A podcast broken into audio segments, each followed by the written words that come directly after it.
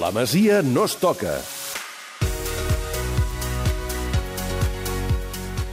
Un quart i mig de nou del vespre, moment per eh, la Masia, moment per l'anàlisi del futbol base. Oriol Domènech, bona tarda. Bona tarda, Jordi. Aquesta setmana coneixíem, vaja, vam viure la classificació del Barça per la Final Four de la Youth League, la Champions... Eh, la, anava a dir femenina, no, la Champions Ah, juvenil. juvenil. Ah, I ja sabem que el Barça s'enfrontarà a les semifinals del 20 d'abril, quin cap de setmana aquell, final de Copa Youth League, contra el Manchester City. Semifinals el 20 d'abril, la final per, seria el Sant Jordi, que és, que és dilluns, i avui han sortit els horaris. La primera semifinal que jugarà una serà la que jugaran el, a l'Oporto i el Chelsea, i la segona semifinal, la del Barça, és Barça-Manchester City a les 5 de la tarda. Eh, el Manchester City, que fa un mes t'hagués dit que era l'indiscutible gran favorit per guanyar aquesta competició, perquè tenia dos jugadors que ja són professionals sí, i que ja juguen al primer equip del Guardiola, que són Phil Foden, millor jugador del Mundial Sub-17 de la Índia, Ibrahim, ara és un dels ara és un més dels quatre semifinalistes, perquè ni Ibrahim ni Foden podran jugar, ja no van poder jugar als quarts de final, i ja no poden jugar eh, en tot el torneig. Per què? Perquè hi ha una llei de la Youth League que diu que quan un jugador juga tres partits a la Champions, queda inhabilitat automàticament per la, per la Youth League. Mm. I el tercer partit, Brahim i Foden el van jugar a la tornada dels vuitens de final del City contra el Basilea, que clar, que després de guanyar 0-4 a Suïssa, Clar. Pep va, va, va fer rotacions i van jugar Brahim i Foden, que ja portaven dos partits, i en aquest tercer partit van quedar inhabilitats eh, automàticament. L'entrenador del juvenil deu estar fotent-se cops de cap per les parets de Manchester, però jo crec que, vaja, un, un jugador aprendrà més jugant un partit de Champions sènior que no pas jugant la semifinal de, de la Youth League, vaja. No, això és indi- Si és- indiscu- és indiscutible. Si fos Foden o Brahim, preferiria mil vegades haver jugat al partit del Basilea. Com a club... No, no, no, ho- no ho sabem, perquè... No? Ah. Bueno, potser els nanos, jo no ho sé, però potser els nanos els feia il·lusió i estaven a quarts de final, tenien la Final Four de Nyon molt a prop, Clar, però ells no, no estan tota la temporada amb el juvenil. Eh, Em refereixo a això, que ells són com una mena de reforç. Si és el teu equip, evidentment, Ja. perdre't... Vaja, no ho sé. Jo, jo ho veig Bueno, vull així. dir, no ho sé perquè no, no per tant amb ells, vull dir, no ho sé. Els haurien de preguntar, efectivament, Sí, què prefereixen, sí. què haguessin preferit. Vaja. Iniciarem Ara ja gestions per parlar amb Foden i... I, pregunta, i fer sobretot fer-los només aquesta Potser pregunta. millor amb Brahim que, la- que l'entendrem eh, que l'entendrem Tot millor. i així, evidentment, no tenen les seves dos grans estrelles, però segueix sent un equip molt fort. Ara, el millor jugador que tenen amb molta diferència és el davanter centre, Lucas Enmecha, un jugador de 19 anys, metre 80, Sé que de siguin dos germans. correcte. L'altre és un migcampista que es diu Fèlix, un jugador normalet, però el davanter centre ja entrena cada dia amb el primer equip i ha debutat amb el primer equip de Guardiola i serà el jugador més perillós que té el Manchester City. Altres jugadors destacables, el porter, que ha sigut el gran heroi del City a, la, a les dos, a quart- a quarts de final i a de final, que els dos partits han anat als penals. Tenen dos exculers, Eric Garcia, Sí. que està jugant de lateral, no està Sí, jugant de central, sí. perquè el central del City es diu Joel Latibudier, Sí. que és un d'aquests que va guanyar el Mundial Sub-17 de la Índia, central també molt poderós, físicament extraordinari, i que és una mica el líder indiscutible de defensa. I després hi ha un altre exculer que no se'n parla tant, perquè no va arribar a debutar amb el Barça, però va estar dos anys a la Masia, que és un colombià que es diu Giancarlo Poveda, que va arribar al Barça No de... tinc el gust. Sí, va arribar al Barça d'infantil, va arribar de- d'un equip de Màlaga, crec que el Porto Malagueño, però que va ser un equip pont eh, perquè venia de l'Arsenal. Al final la UEFA això va dir que no, que no podia ser i al final no va arribar a debutar amb el, amb el, amb el Barça.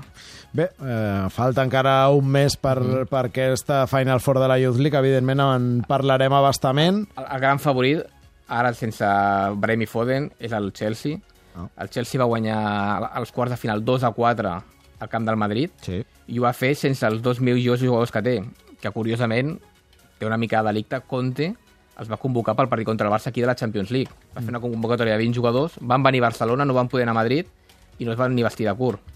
Això ja és més discutible estratègicament. Però són dos jugadors que en principi estaran a la feina fora de Nyon, un central que es diu Sterling, que és titular de la selecció sub-19 i és el millor jugador, i l'altre és un davanter que es diu Hudson Odoi, Ah, que la gent que va veure la final del Mundial Sub-17 sub entre Anglaterra i Espanya va ser el millor en diferència, al final el premi de la pilota d'or li van donar Foden perquè va marcar dos gols, però el jugador desequilibrant va ser aquest Hudson Odoi. En principi, els dos aniran a la Final Four. Anirem pas a pas. El dia 20 el Barça intentarà superar el City i després ja, si ens trobem al Chelsea a la final, És, doncs... és un divendres, la comentarem aquí la semifinal. Ah, això mateix. Uh, volies parlar també per acabar de Take, un dels habituals de, de la secció. perquè dimecres, en partit de Copa, va marcar el seu primer gol com a professional. Van guanyar un partit de Copa per 1 a 0 i la gent que pugui buscar el gol per les xarxes socials veurà que és un gol molt semblant al que va marcar el 3 a 0 de Messi contra el Chelsea. I hi ha gent que inclús comenta que és un gol clavat a un dels tres que va marcar Messi contra el Madrid, aquell hat-trick que va fer fa 10 anys, el 2007, quan tenia 20 anys.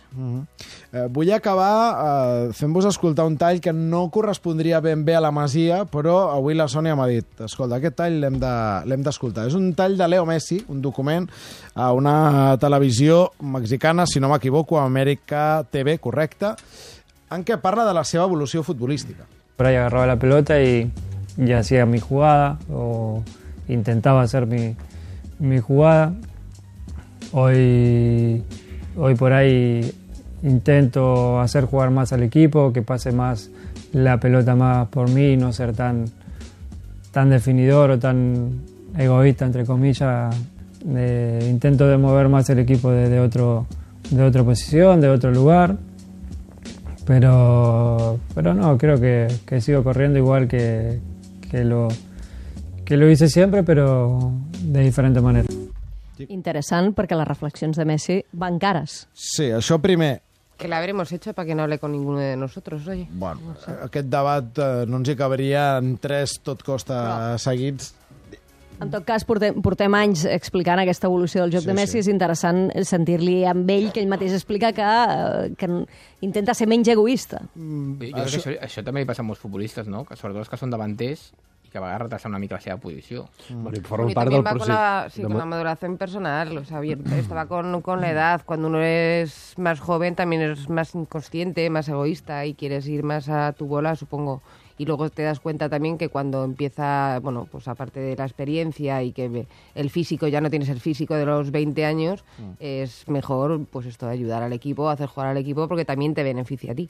És un, un, una assignatura que a mi... Si hasta Cristiano ha entendido que le senten en, en el banquillo, imagínate. És una assignatura que em fascina, que és la retrocrítica, que, vaja, jo crec que més, al joc de Messi no se li pot fer cap crítica, però anys després, per l'experiència, per l'edat, pel que sigui, dius "Bé, ara sóc una mica menys egoista que, que abans. I marca els mateixos gols? Tot i que, sí, i, Sí, tot sí, i que jo, sincerament, fa molts anys que crec que Messi no és un jugador egoista, i això que s'ha tipat de fer 50 gols per Bé, temporada... i ara, ara, però crec que ell diu menys egoista entre cometes, és a Sí, dir, sí. ve a, a utilitzar la paraula en el Bé. sentit de que ara ja només Sí, però- aquella voracitat golejadora que tenia, doncs ara de tant en tant pensa, espera que em darreriré perquè és el que necessita l'equip. Mm. O sigui, és veritat que en número d'assistències sí que en els últims 3 o 4 anys jo crec que, que, que en donen moltes més que, en el, que començament.